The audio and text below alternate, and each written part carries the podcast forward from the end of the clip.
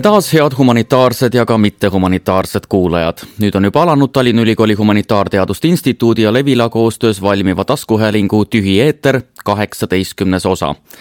tänane saade kannab pealkirja Kes on süüdi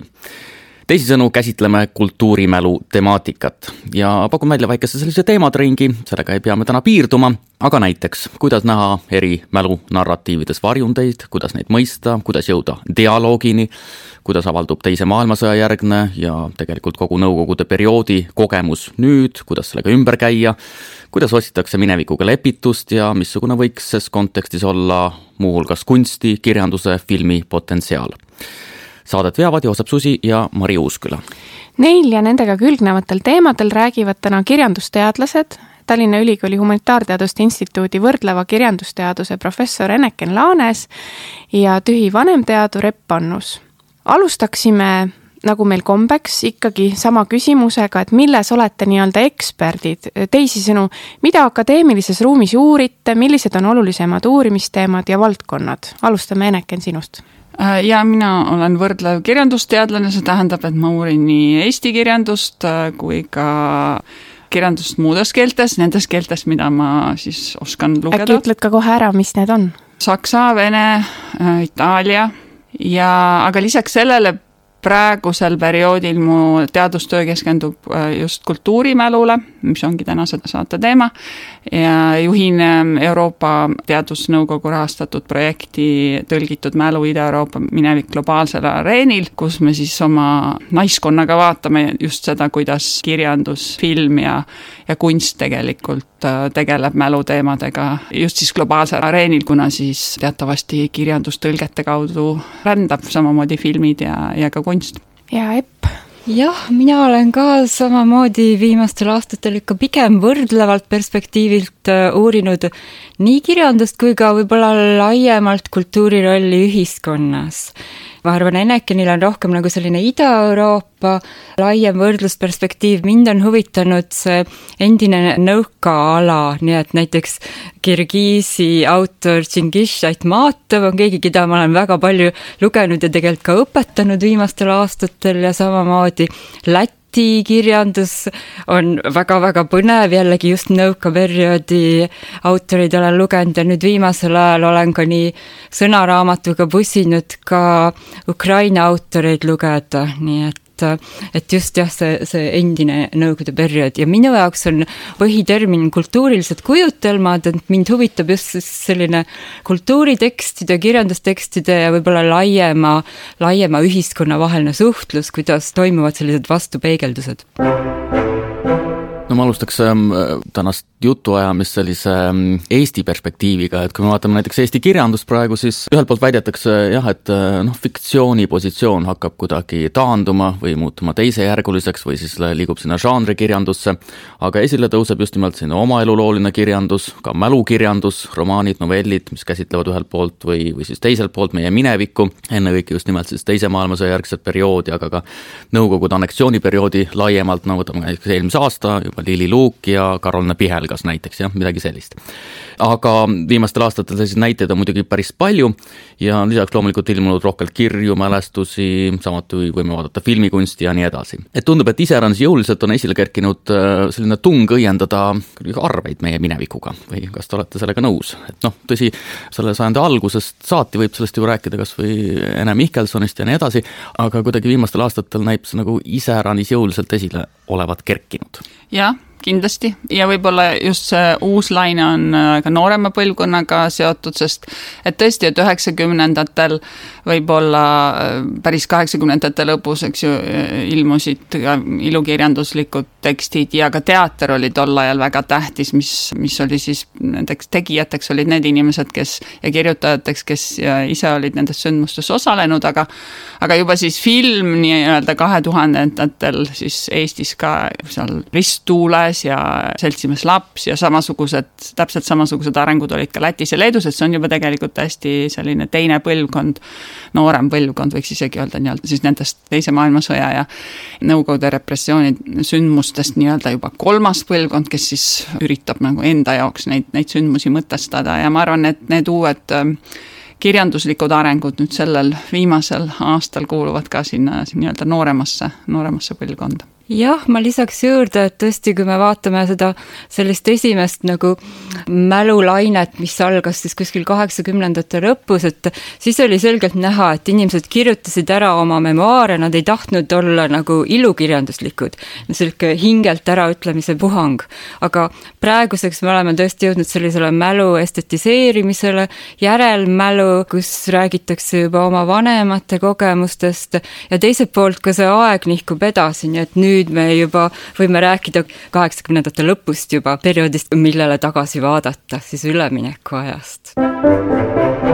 ma annaksin tegelikult ühe küsimuse healt kaasteeliselt, kes on ka kirjandusteadlane. Ja kui ma ütlesin, et sellise teemaga saade on, siis tema tõi esile, et noh, et viimasel ajal, kui me vaatame näiteks meediaruumis, see mälutemaatika on ju väga kohal kogu aeg, väga paljudel eri tasanditel see ilmneb aga kipub olema nii, et iga kord, kui ähm, räägime näiteks äh, mõne monumendi eemaldamisest või siis äh, haudadest ja nii edasi, kasutatakse sellist väljendit, et me pole ühiskonnana sellest piisavalt veel rääkinud. et ma nagu õiendaks selle ära, et mida see tähendab, et me pole ühiskonnana sellest piisavalt rääkinud, kes seda rääkima peaks mida see endast kujutama üldse peaks, et me ühiskonnana nendel teemadel räägime ja kas kunagi saab ka räägitud? no see, ma arvan, selline tundmus, et, et me ei ole piisavalt rääkinud, see on seotud äh, tegelikult äh, meie nõukogudejärgse mälupoliitikaga. sellepärast, et äh, poliitilisel tasandil ikkagi keskenduti alates siis üheksakümnendate algusest sellele ohvrilugudele seda Nõukogude kogemust mõisteti eelkõige siis Eesti seisukohalt kui midagi, mis, mis tuli väljast äh, Venemaalt, äh, Nõukogude Liidust ja noh, meil mingit osa sellest ei olnud. Ja kui, kui me räägime noh, nüüd need konfliktid, mis on monumentide ümber toimunud, need on seotud ikkagi sellega, et et me pole tegelikult äh, rääkinud väga palju sellest, et mis siis äh, eestlaste eneste roll oli neljakümnendatel eelkõige, eks ju, et, et millised olid need koostöövormid ja loomulikult noh, Nõukogude võim, võimul olid äh, nagu alati vägivaldsel võimul oma mehhanismid, kuidas äh, inimesi tõmmata sisse sellesse,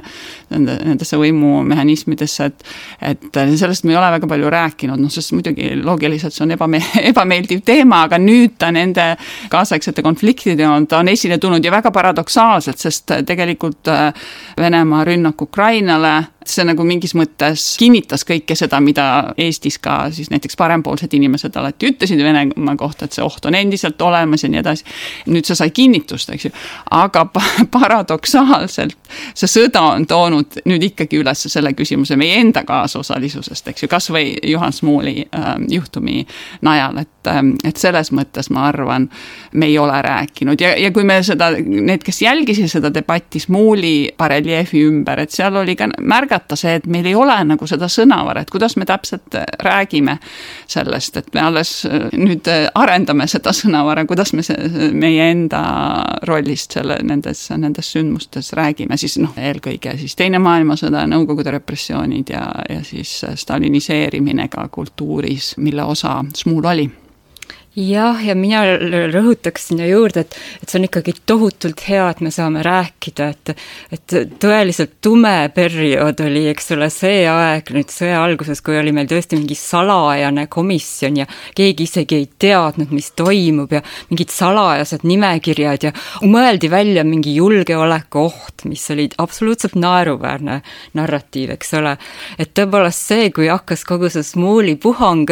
alguses mu esimene reaktsioon reaktsioon oli, et, et no mida on meil seda vaja, aga teine reaktsioon oli mul, küll on tore, et inimesed räägivad, et las kõik ütlevad välja jah, et võib-olla hoiad pead kinni mingil hetkel, aga väga hea. ja räägime ja räägime, noh, kui kaua, kas sellel on lõppu, minu meelest Muuli puhul oli väga tore see ja see olekski nagu selline, selliste asjade võib-olla loogiline lõpetus, et mingil hetkel on võimalik hääletada, hääled kokku lugeda ja teha otsus otsus. kirjanike liidu puhul oli väga konkreetne, see oli tõepoolest võimalik, nüüd on, eks ole, juba tekst ette valmistatud, mis sinna juurde pannakse. et see konkreetne küsimus vähemalt selleks hetkeks leidis mingisuguse lahenduse. kas see dialoog ei, ei, ei, ei või endast kujutada ka just nimelt sellist või see hääletamine jah, et, et sellist dialoogi ju ei, ei tarvitsegi tekkida, et äh, minu arvates ka selles Muuli nii-öelda diskussiooni selline nagu kese oli selles, et oli selgelt üks arvamus ja oli selgelt äh, teistsugune arvamus ja, ja, ja siis hääletati, kumba arvamust rohkem on. nojah, mis minu kui kultuurimälu uurija seisukohalt selles debatis oli kõige huvitavam see, et et, et kui äh, ühele poolele ei meeldi need inimesed, kes nõudsid bareljeefi eemaldamist, siis äh, inimesed toetavad selle jätmist ja, ja siis noh, ka leiavad selliseid argumente, mis nagu mälukultuuriliselt on siis problemaatilised, noh et me peame nagu mingisugused ühiskondlikud sellised moraalimajakad endale selles debatis looma. Ja, ja, ja me ei saa hakata õigustama inimest, kes on osalenud küüditamises küüditamised lihtsalt sellepärast, et meile ei meeldi need, kes nõuavad bareljeeli eemaldamist, on näha see, kuidas tegelikult kõik need, äh, mida noh, mis on nagu mälu-uurijate üks põhiline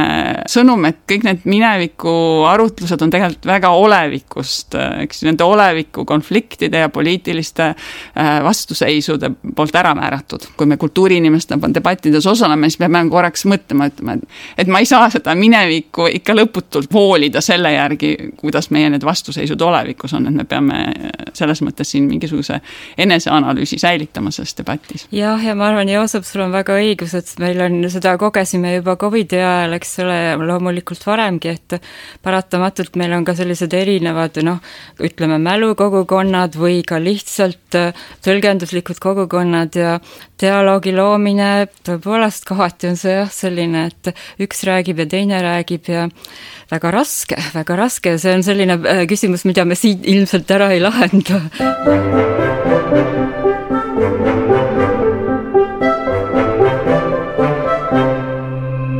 Vaadates neid küsimusi, mis ma alguses sõnastasin, siis need on niivõrd avarad, et äh, vaevalt me neist ühtegi siin täna ära lahendame, aga aga see haakub natukene meie üle-eelmise tühieetri saatega, äh, mul on tunne, mille pealkiri oli, et äh, kuidas armastada venelast ja no põhisõnum oli väga lihtne, et tegelikult ajaloos ja ajaloosündmustes, ajaloo käsitluses tuleks rohkem näha varjundeid. et praegu on väga mustvalge tõlgendus jah, ja, ja see sõltub väga palju näiteks poliitilistest eelistustest ja nii edasi.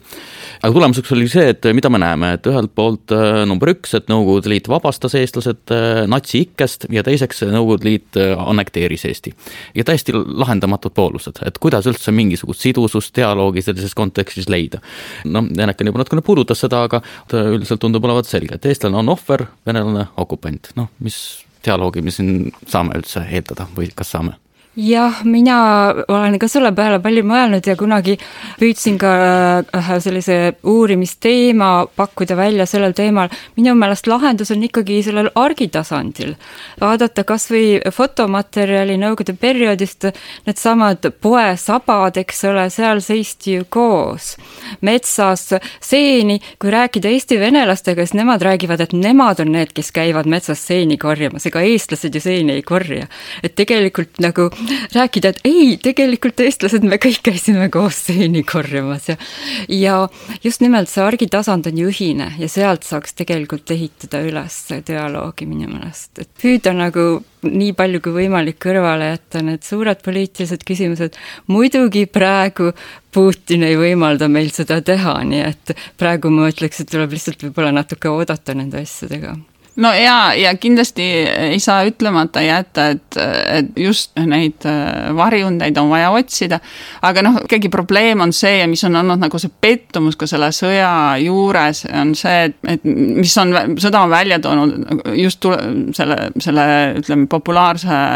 toetusena siis, siis tegelikult Putini režiimile nii Venemaal kui ka, kui ka nende vene vähemuste hulgas äh, välismaal et tegelikult inimesed toetavad seda sõda ja, ja me peame arvestama ka sellega, et endiselt meie ühiskonnas on inimesed, kes toetuvad sellele, sellele nõukogulikule ja äh, imperialistlikule narratiivile, et nii nagu eestlased peavad asju nägema ambivalentsena, ka venelased peavad aru saama, et oma identiteedi sidumine ainult teise maailmasõja võidu või üldse sellise noh, Venemaa mõistmise külge imperiaalsena noh, see, sellest tuleb ka distantseeruda, et muidu ei ole dialoog võimalik, eks ju, et et me näeme ka, et, et ka tegelikult äh, mingi, mingi osa siis ähm, venekeelsete inimeste puhul see on see selline vaade asjadel on endiselt atraktiivne ja, ja see on see nii-öelda läbi töötamata minevik, millest äh, Venemaal, millest äh, noh, millest mälu-uurijad, nii politoloogid, Maria Mälksoo näiteks on väga, väga selline eesrindlik siin rahvusvaheliselt et millele nad on tähelepanu juhtinud. nagu alati dialoog, eks ju, et me peame mõlemad, dialoogi mõlemad pooled peavad, peavad astuma sammu eemale sellest, noh, millesse nad tõsikindlalt usuvad, eks ju. Te olete kirjandusteadlased, see tähendab, et uurite kirjandust, võib-olla oskate välja tuua mõne autori, kellel tuleb see pluralismi kajastamine või tabamine hästi välja, et ikkagi, et näidata neid, neid mõlemaid osapooli just kirjanduses, oskate, oskate tuua selliseid näiteid? no minu väga suur lemmik on ikkagi Mati Unt, tema tõsi, on meie hulgast nüüd lahkunud ja enam ei kirjuta, aga aga ma nüüd just olen viimasel ajal töötanud seal tema äh, romaaniga Öös on asju, mis ilmus tuhat üheksasada üheksakümmend. Ja noh, näiteks võtta üks lause tema tekstis seal, Guten Tag öeldi mu selja tagant, et alustab saksa keelega, siis on vahelause eesti keeles, siis tuleb vene keeles.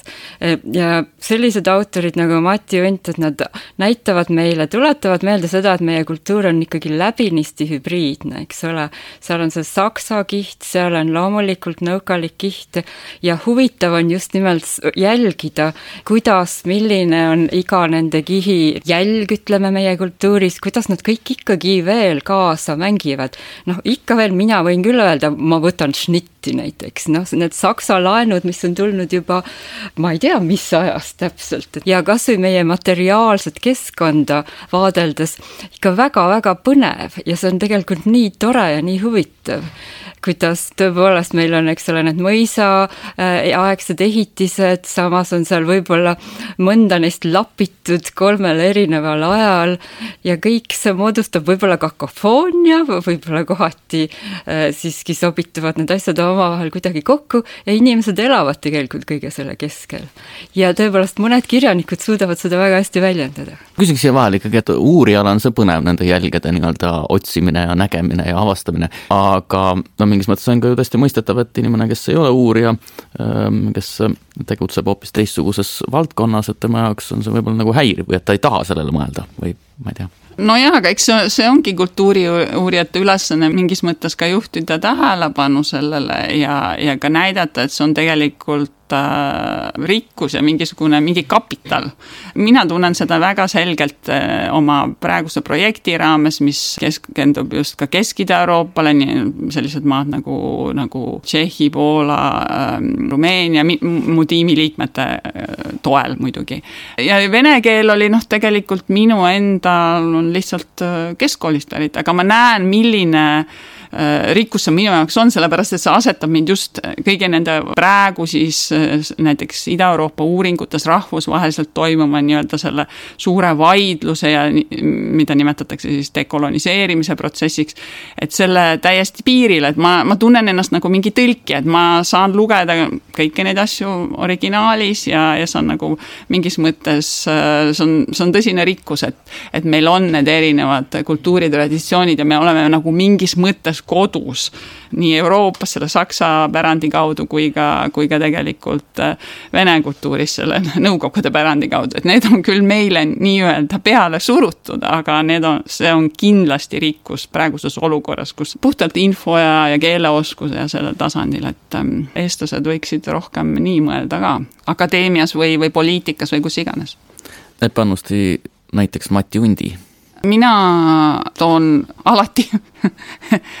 Ene Mihkelsoni selleks näiteks. Ja võib-olla miks just selle, sellest seisukohast, et kui ma rääkisin ennem, et, et see meie mälupoliitika on olnud selline ohvrilugudele keskenduv ja, ja tegelikult ka nii-öelda filmid ja kirjandus on sellega päris palju kaasa läinud, eriti filmid, et see on ka selline ainult naiste, laste lood, küüditamislood et siis Ene Mihkel on selles mõttes ikkagi erandlik, et ta on julgenud vaadata nagu nii-öelda sellele, just selle kaasosalisuse koostöö küsimusele siis äh, otsa oma, oma perekonnaloo kaudu ja, ja ma kirjutan äh, siis sellist raamatut just äh, ka nagu inspireerituna ka suuresti Ukraina sõjast, kus kirjutan nendest filmidest, kirjandusteostest, mis püüavad siis äh, nii-öelda seda kaasosalisuse teemat käsitleda, nagu Svetlana Aleksijevitš, tema Pruugitud aeg äh, on täpselt selline raamat, mis, mis üritab aru saada, et mis see siis vene inimese Nõukogude nostalgia siis tähendab kaasajal, eks ju, et kust see tuleb, miks sellest lahti ei saa ja nii edasi. just Balti riikidest siis metsavendade teema ja, ja kuidas Ene Mihkelson seda käsitlenud ja siis ka näiteks Sergei Ložnitsa, filmirežissöör äh, Ukraina Ukraina, Ukrainast. Ja Katja Petrovska, kes kirjutab hoopis saksa keelest, et, et ma otsin selliseid nii-öelda ülekantud tähenduses tõlkijaid, kes püüavad siis nagu nii-öelda ida ja lääne vahel neid, seda, neid, neid asju arutada. ma olen rääkinud äh, Eesti filmidest välistudengitele, siis äh, kui nad risttuules filmi näevad, siis see on hästi pöörane kogemus, tundub neile või see on mingi täiesti noh, nii vaimustunud sellest või see on täiesti raputav kogemus neile jaa, aga see on ka üks tegelikult, kuulub nii-öelda nende ohvrilugude hulka, aga tema suur mõju tuleneb sellest kunstilisest eksperimentaalsusest, ohvrilugusid jutustatakse vahel ka väga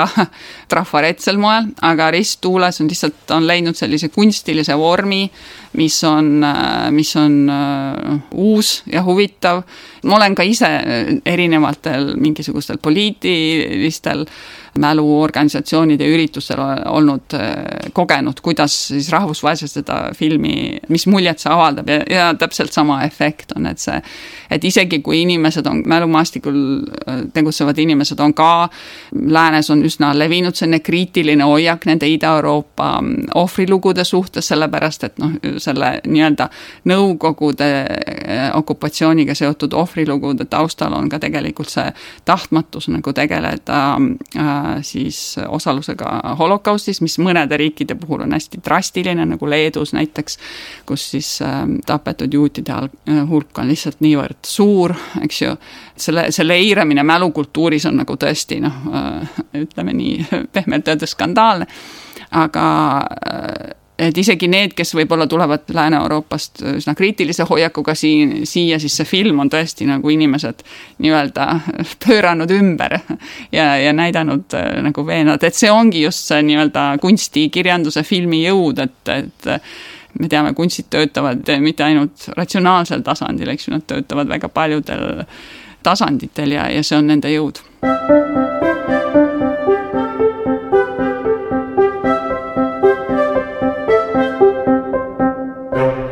Milline roll on keelel kõige selle juures? Epp just tõi näiteks äh, sellesama keele näite, eks ole, tegelikult, et kõigepealt saksa keel, siis selles samas järgmises lauses eesti keel, siis vene keel, nõnda edasi ja Eneken, sa rääkisid sellest, kuidas sa oled nii-öelda vahendaja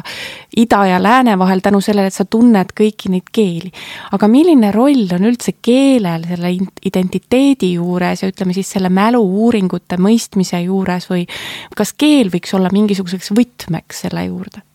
Keel võiks kindlasti olla võtmeks, et see on,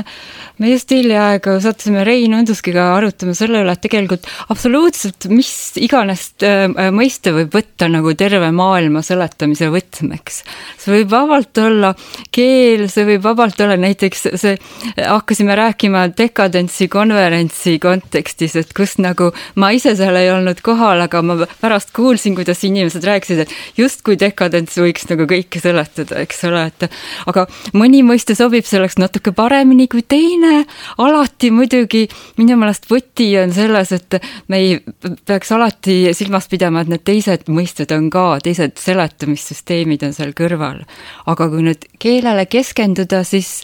üks suur aspekt on siinjuures ka keele väiksus või suurus, eks ole. kas on imperiaalne kultuur, kus see keel, mille juurde see kuulub, või on siis nii-öelda selline allutatud kultuur. ja selgelt, kui kui me vaatame maailma kontekstis, millised lood domineerivad, siis no Nõukogude uuringutes on väga selgelt see, et ikkagi see Vene imperiaalne diskursus ikka veel absoluutselt domineerib ka praegu sõja ajal, sellepärast et inimesed on selle nii omaks võtnud aastakümnete jooksul, et on väga raske aru saada, et see, selle asja nimi on tegelikult Vene imperiaalne diskursus. meil on jällegi oma eesti keelega üsna raske jääda laiemale pildile, kuna keegi ei loe ju seda keelt, nii et seda suurem roll on siis kultuuri uurijatel just ka tõlkijana, et püüda esitada meie kultuuri nii, et see tundub äh, noh, ka selliste väikeste uurijate poolt esitatud fragmentide läbi ikkagi kuidagi oluline jah, et kindlasti eh, see on suur missioon nüüd siin väiksemate Ida-Euroopa rahvastel, et et kui praegu Põhja-Ameerika ja, ja ka Euroopa äh, slavistikaprogrammid tahavad ennast nii-öelda dekoloniseerida, tuua rohkem eh, väiksemat, siis endise Nõukogude Liidu väiksemate rahvaste kirjandust ja, ja ajalugu programmidesse, et siis seal on märgata, noh, ma oma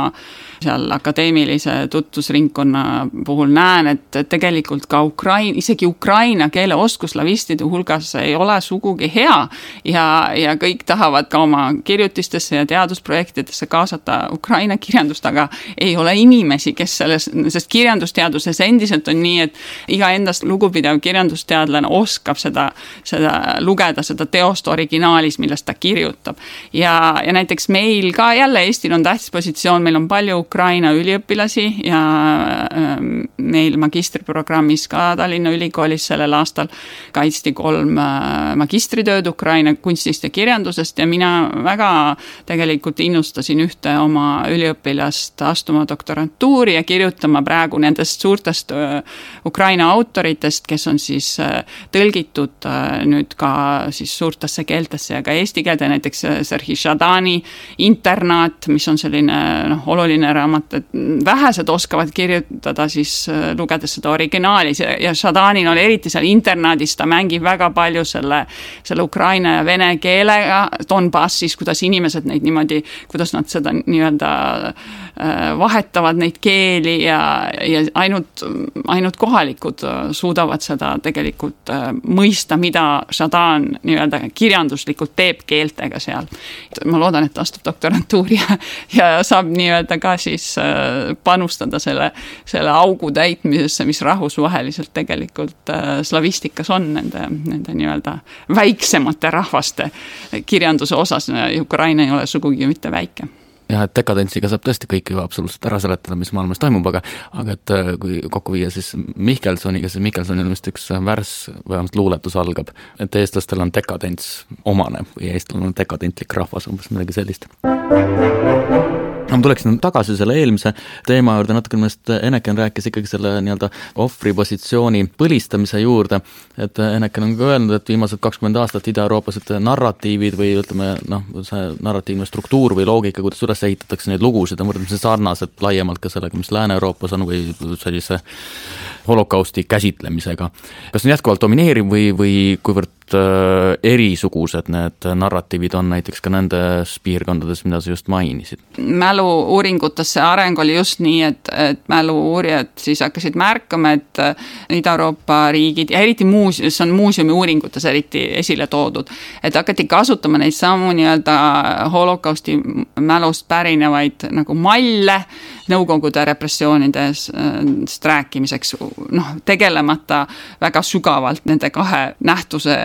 ajalooliste erinevustega, eks ju. ja see on nagu olnud kriitika just ka siis Ida-Euroopa muuseumide aadressil, et lihtsalt võetakse see eh, holokausti mall ja kasutatakse seda siis Nõukogude repressioonide mälestamiseks. ja sellepärast näiteks mina strateegiliselt just vaatangi seda koostööd, et, et see on ka nagu mingi noh, minu jaoks mälu-uuringutes mingi ka selline juba nagu dogma, et kõik tegelevad ainult sellega, see ei ole enam huvitav, noh, vaadata, kuidas äh, holokausti mäluga tegeletakse Ida-Euroopas, et ma saan selle projektiga seoses olen saanud vähemalt, äh, ma ei tea, viisteist kutset kirjutada siis holokausti mälus Balti riikides ja, ja võib-olla kolm, et kirjutada Nõukogude repressioonide mälust Balti riikides nagu ka rahvusvaheliseid kutseid, et see ka näitab nagu seda nii-öelda mingisugust tasakaalu puudumist ja ja aga kui sa küsid, kas Eesti ja, ja teiste Kesk-Ida-Euroopa riikide vahel on mingeid erinevusi, siis kindlasti. See on üks ka suur ähm, äh, siis selline lääne äh, mälu-uuringute probleem, et just, et võimetus neid erinevusi märgata. sest me teame, et ka näiteks Nõukogude nostalgia on Balti riikide inimesed ei saa üldse aru sellest, mis see on, aga Rumeenias näiteks on olnud väga levinud kogu selle kolmekümne aasta jooksul, nii et, et on suured erinevused ja ja ohvrinarratiivide puhul ka, et, et me teame, et näiteks isegi Poola ja Tšehhi vahel on suured erinevused, et, et mis oli see noh, hullem režiim, kas siis, kas siis natsirežiim või, või Nõukogude oma, eks ju, et et ähm.... aga see Rume-, Rumeenia nostalgia tundub nagu kummaline, et Rumeenia oli just üks jäigemaid diktatuure üldse, et nagu ma juba ennem ütlesin, et oleviku mitte ainult siis kultuurilised ja mälupoliitilised, vaid ka majanduslikud faktorid mängivad seal rolli, eks ju, et kui, kui see üleminek äh, ühelt äh, siis äh, Nõukogude süsteemilt nii-öelda see lääne kapitalistlikku ei ole olnud majanduslikult edukas, siis see tegelikult tekitab ka nagu sellist mingisugust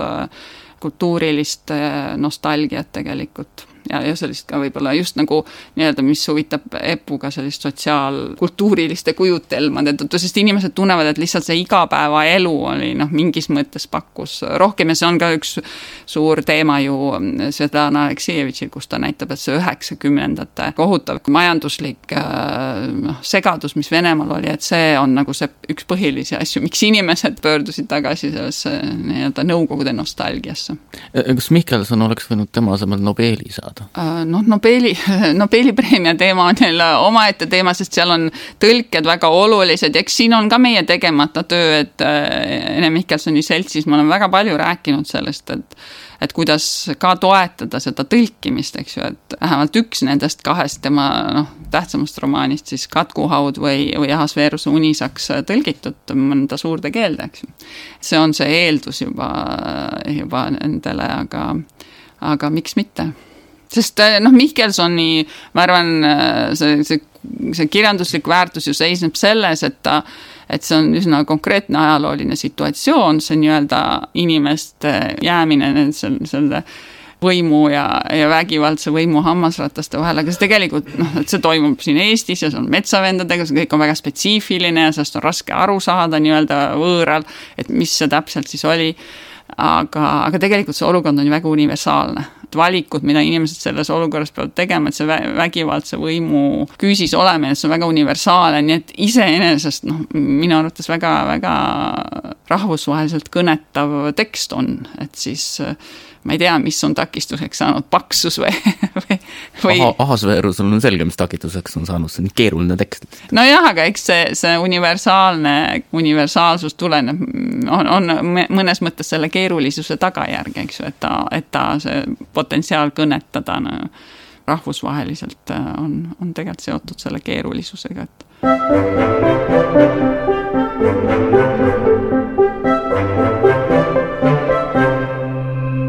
aga mälu-uurijad ei uuri ju ainult kirjandust, kuigi teie olete loomulikult kirjandusteadlased. kuidas tehakse üldse kunstis mälutööd ja missuguseid narratiive seal kasutatakse ja missuguseid vaatepunkte? võib-olla siis Epult küsin kõigepealt jah, no väga suur ja väga keeruline küsimus. et võib-olla üks aspekt on sealjuures ka veel, et mis kõige rohkem kõnetab, eks ole, kuidas erinevatel aegadel, millised kunstiliigid kõige rohkem kõnetavad. iseenesest kogu see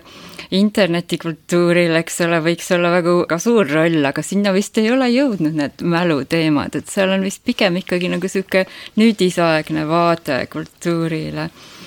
ma nüüd alles käisin antropotseeni näitust vaatamas, et muidugi igasugused sellised multimeedia lahendused, eks ole, et visuaalkunstides on võimalik väga palju erinevaid tasandeid korraga mängima tuua, et sul võib olla siin ütleme näiteks mingisugune regilaul, siis selle regilaulu tõlgendus, see toob kohe juba päris sellised algsed ütleme siis arhailised kultuuri kultuurikihid sisse, aga sinna juurde juurde ka mingi installatsioon, tänapäeval just selle antropotseeni näitusega seoses saab ka mängida just nimelt lokaalsusega, mis läheb kümnete tuhandetesse aastatesse tagasi, geoloogia kui selline, just see Eesti, millest meie maa kui selline on koosnenud ja noh, siingi ma just natuke olen just sel-, nendele küsimustele mõelnud ja siis just olen vaadanud kõiki neid rändrahne, eks ole, kas võib öelda, et nad on siis nagu laen, eks ole, meil äh, Soome laen või Skandinaavia laen või on see kingitus? Nad ei ole kindlasti, loomulikult see on absurdne mõttekäik, kuna nad tulid enne seda, kui üldse me mingitest rahvustest asjadest saame rääkida. aga, aga noh, iseenesest oleks huvitav võtta juurde ka just see geoloogiline aspekt või noh, selline väga tõesti selline ütleme, materiaalne käegakatsutavus ja multimeediavahendid saavad seda sisse tuua. ja sealt tulevad siis need mälukihid muutuvad väga keerulisteks, tõepoolest, nii et võimalusi on väga palju kultuuri tõlgendamisele jah, kultuurimälus on ju seda teoretiseeritud ka selle nii-öelda proteesmälu mõistega, et, et just äh, siis kirjandus on vot siin eristatud, et pigem on rõhutatud just äh, filmi ja interaktiivseid muuseume, see on Alison Landsbergi mõiste. ta räägib sellest, et kuidas nii-öelda siis äh, massimeediatehnoloogiad just tekitavad sellist nagu äh, nii-öelda immersiivset kogemust, et sa tõesti hakkad seda ajaloolist lugu nagu tajuma osa enda mälust. et noh, kuigi sa ei ole nendes sündmustes osalenud, et seal on just see nii-öelda mingisugune selline tunnete ja emotsioonide, isegi kehalisel tasandil just tänu siis nendele nii-öelda audiovisuaalsetele võtetele, noh, mida siis kasutavad filmid ja just need interaktiivsed muuseumid, et et see nii-öelda proteesmälu, kuida-, kuidas saab, kuidas saab neid lugusid inimestele niimoodi tõesti edastada nii, et see puudutab sind nagu kuidagi sügavamalt ja sa oled võimeline võib-olla siis ennast ka panema selle nende inimeste positsiooni, kelle kogemust sa tegelikult ise läbi elanud ei ole, et jah, ma võib-olla lisaks veel juurde, et tegelikult väga huvitavaid kõrvutusi saab ka teha niimoodi kultuuri baasil, näiteks sealsamas antropotseeni näitusel praegu on, ütleme, üks maal või sellist graafiline leht põlevkivitööstusest tuhande üheksasaja kolmekümnendatest aastatest ja teine siis viiekümnendate alguses. täpselt sama stiil, eks ole, täpselt sama selline tööstuse heroiliseerimine ja millele me tavaliselt võib-olla iga päev ei mõtle, aga just sellised kultuurilised ülekanded, eri ajastute vahel, et seda saab visuaalselt väga toredasti näidata. muidugi Mati Unt kirjutab, eks ole, seesama Guten Tag, et kirjanduses saab seda teiste vahenditega ka edasi tuua no kuna meie saate pealkiri on, et kes on süüdi, siis ei saa vist ikkagi üle ega ümber, et mis siis selle monumentide sõjaga ikkagi on ja kuidas teie mälu uurijatena seda näete, et see ju haakub ka selle kunsti teemaga, sellepärast ma küsin selle nüüd ära? Ja võib-olla, mis mulle, kui Epp rääkis enne sellest julgeolekuost, et siis me, see on jah, võib-olla see esimene tähelepanek ja sõnum, et kui me tegeleme, noh, et see nii-öelda näiteks monumentide eemaldamine ja ka siis nüüd, mis on endima, endiselt lahendamata, sümbolite eemaldamise küsimus, et et oleks tore, kui otsustajad saaksid aru, on just see, et see tundub ainult julgeoleku küsimus, aga see on kultuuriline küsimus. ja selleks, et edukalt tegutseda, on vaja kultuurilist teadmist sellest, kuidas sümbolid toimivad, kuidas monumendid toimivad, noh, alustades sellest, et äh, president lükkas selle juriidilise ekspertiisi alusel tagasi, aga tegelikult juristid tõid just esile ka seda nii-öelda mitmeti tõlgendavust ja ja, ja just see, millest näis puudu olevat nende sellel siis sümboliseaduse ettevalmistajatel, oli just see kultuuriline arusaam sellest, kuidas sümbolid toimivad, et kui Narva tank tuli eemaldada, sest seda aktiviseeriti, eks ju, et noh, monumendid võivad niisama seal unustatuna seista, nagu paljud need nii-öelda punamonumendid on paljudes Eesti maakohtades seisnud, eks ju, siis neid on võimalik aktiviseerida, sinna minnes, viies lilli, seal ümber midagi korraldades. nüüd sümbolite puhul, et kui sümbol seisab, seisab kuskil hoone katusel, et siis see küsimus on, kuidas seda aktiveerida, et kuidas sa teda aktiveerid. et kui suurt ohtu ta selles, selles mõttes kujutab, et ükski sümbol ei ole iseenesest viha õhutav eks ju, et see on nagu selline nagu mingisugune, kirjanduses on selline kirjanduslik võte nagu personifitseerimine, et see teatavas mõttes see sümboliseadus, seda ma lugesin nagu sellist luulelist personifitseerimist, et kõik sümbolid õhutavad sellist, sellist ja, ja ja teistsugust viha, et, et me ikkagi peame aru saama, et noh, milline on potentsiaal seda aktiviseerida ja kindlasti monumendiseaduse kirjutajad ise ei saanud aru, et see seadus ise on juba aktiviseerimine. sa aktiviseerid selle sümboli selle, selleks, et sa hakkad selle vastu võitlema, eks ju. et nagu sellist kultuurilist arusaama, noh, jäi puudu kindlasti selle puhul ja ma loodan, et see uus versioon on siis äh, selles mõttes ähm, edukam, et, et ta nagu võtab arvesse selles, seda nii nagu ta esialgselt oli, eks ju, ette nähtud, oli see, et, et äh, kohalikele omavalitsustele ja eraomanikele tehakse ülesandeks eemaldada vaenu õhutavad sümbolid ja siis see kogu tõlgendus jäeti nende siis kohalike omavalitsuste teha. ja, ja siis, kui nad ei saanud selle tõlgendusega hakkama, siis nad võisid ühe komisjoni käest küsida, mis oli ka ette nähtud äh, luua ja noh, seal komisjonis samamoodi, eks ju, et nagu ma seletasin, see on sellise interpretatsiooni küsimus, milline on vaenu õhutamise potentsiaal iga selle sümboli puhul. ka see komisjon tegelikult seal ei saa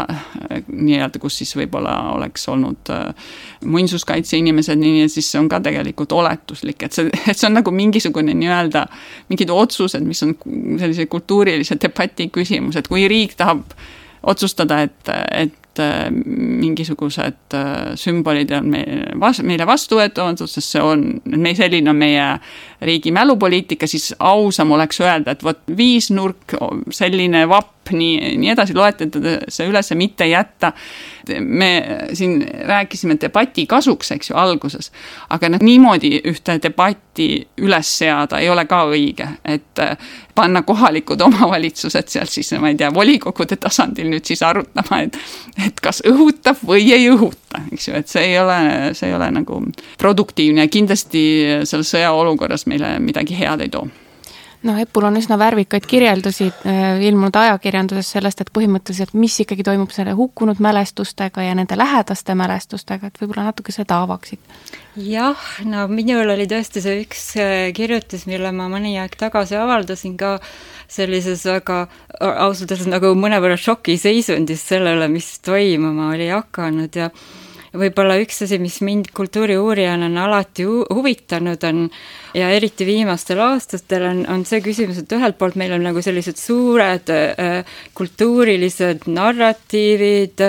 kes on süüdi, mingid poliitilised ja nii edasi, teiselt poolt meil on selline afektiivne maailmas olemise kogemus. me tegelikult räägime millestki väga konkreetsest, me räägime tegelikult inimeste kõdunenud luudest ja neid tuleb siis kuidagi kuskilt maapinnast eraldada.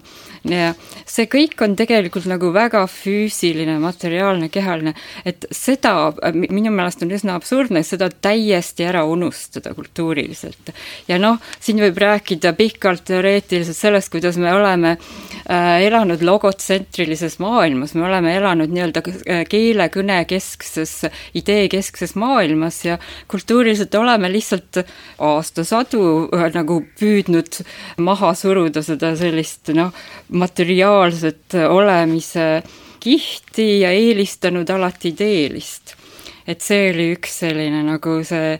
see impulss, mis tuleb tegelikult Mati Undilt, sest Mati Unt just nimelt jah, on tegelenud nende Koidula, Liidia Koidula ümbermatmise materjalidega ja teda on rabanud just nimelt see, et võtame ükshaaval hauast kõdunenud luid.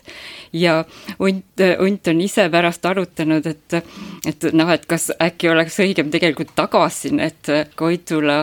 säilmed matta kroonlinna, aga et ja me isegi ei tea, kelle luud, eks ole, need äh, kirstud on pehkinud, luud on omavahel segunenud, kui palju seal oli Koidulast, kui palju oli Michelsonist, et et noh, see on selline totaalne kehaline, selline materiaalne absurdsus ja et, et sellele siis tekitatakse mingi totaalne tähendus juurde, eks ole, oh, see on julgeolekuoht, on need mingid luud seal hauas. et see, see paradoksaalsus niivõrd rabab mind minu jaoks. ja meie ka vaatame jah, tegelikult oma naiskonnas nii-öelda projekti tiimiga täpselt seda luudega ümberkäimist, eks ju, me võime, nimetatakse ka nekropoliitikaks. ja seal on, seal on äh, märgata see, et komisjon siis, kes valmistas ette need otsused, millised monumendid eemaldatakse ja millised mitte, eks ju, et meil ei ole eriti materjali selle kohta, millel otsused põhinesid, et see on selline lihtsalt üks slideshow, mis on äh, avalikult kättesaadav, aga äh, komisjon ei tegelenud Maarjamäe monumendiga, see, aga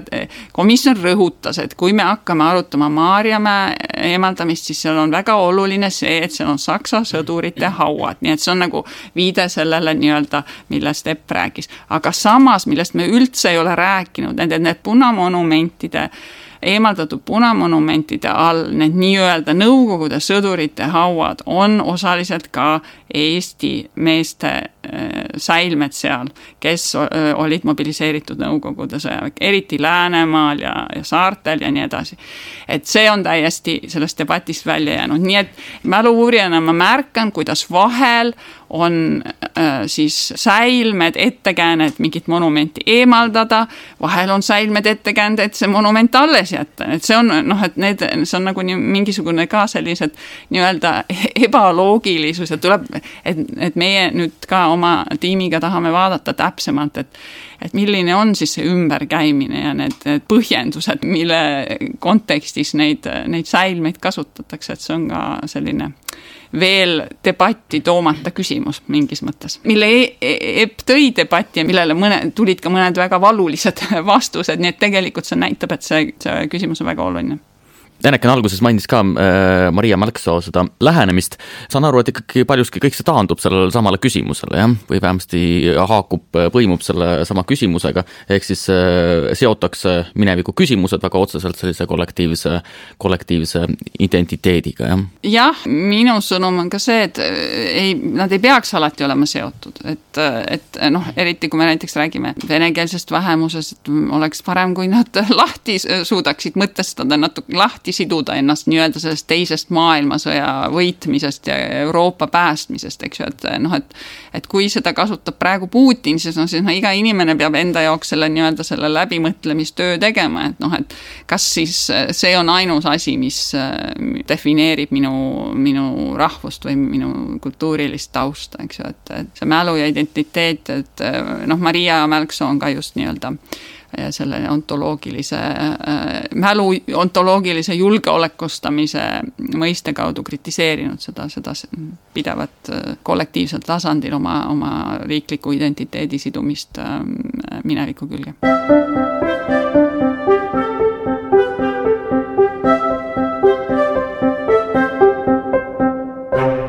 Meil hakkab saateaeg iseenesest otsa saama paraku, aga et äh, me leppisime kokku, et räägime natukene dekoloniseerimisest ka. mul on väga lihtne küsimus, et kunas siis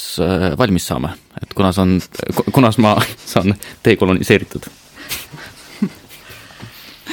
no ma ei tea, EPP on osalenud äh, Ameerikas nendes äh, Ida-Euroopa uuringute debattides, mis on äh, sellised väga esinduslikud institutsioonid korraldanud, näiteks Harvardi ülikooli Davis Center. Neil on Youtube'is järelvaadatav pikk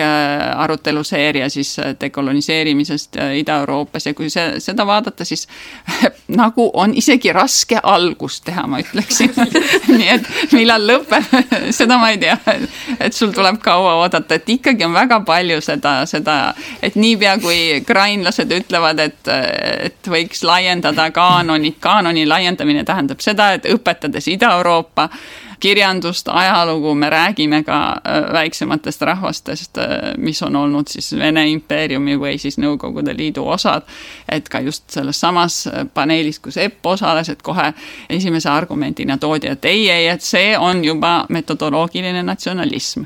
rääkimata sellest, et tegelikult see keskendumine ainult venekeelsele kirjandusele või, või siis Vene ajaloole, et, et see on ka ju mingi natsionalismi vorm, see on lihtsalt imperiaalne natsionalism, eks ju, et selles mõttes äh, nagu protsess alles algab.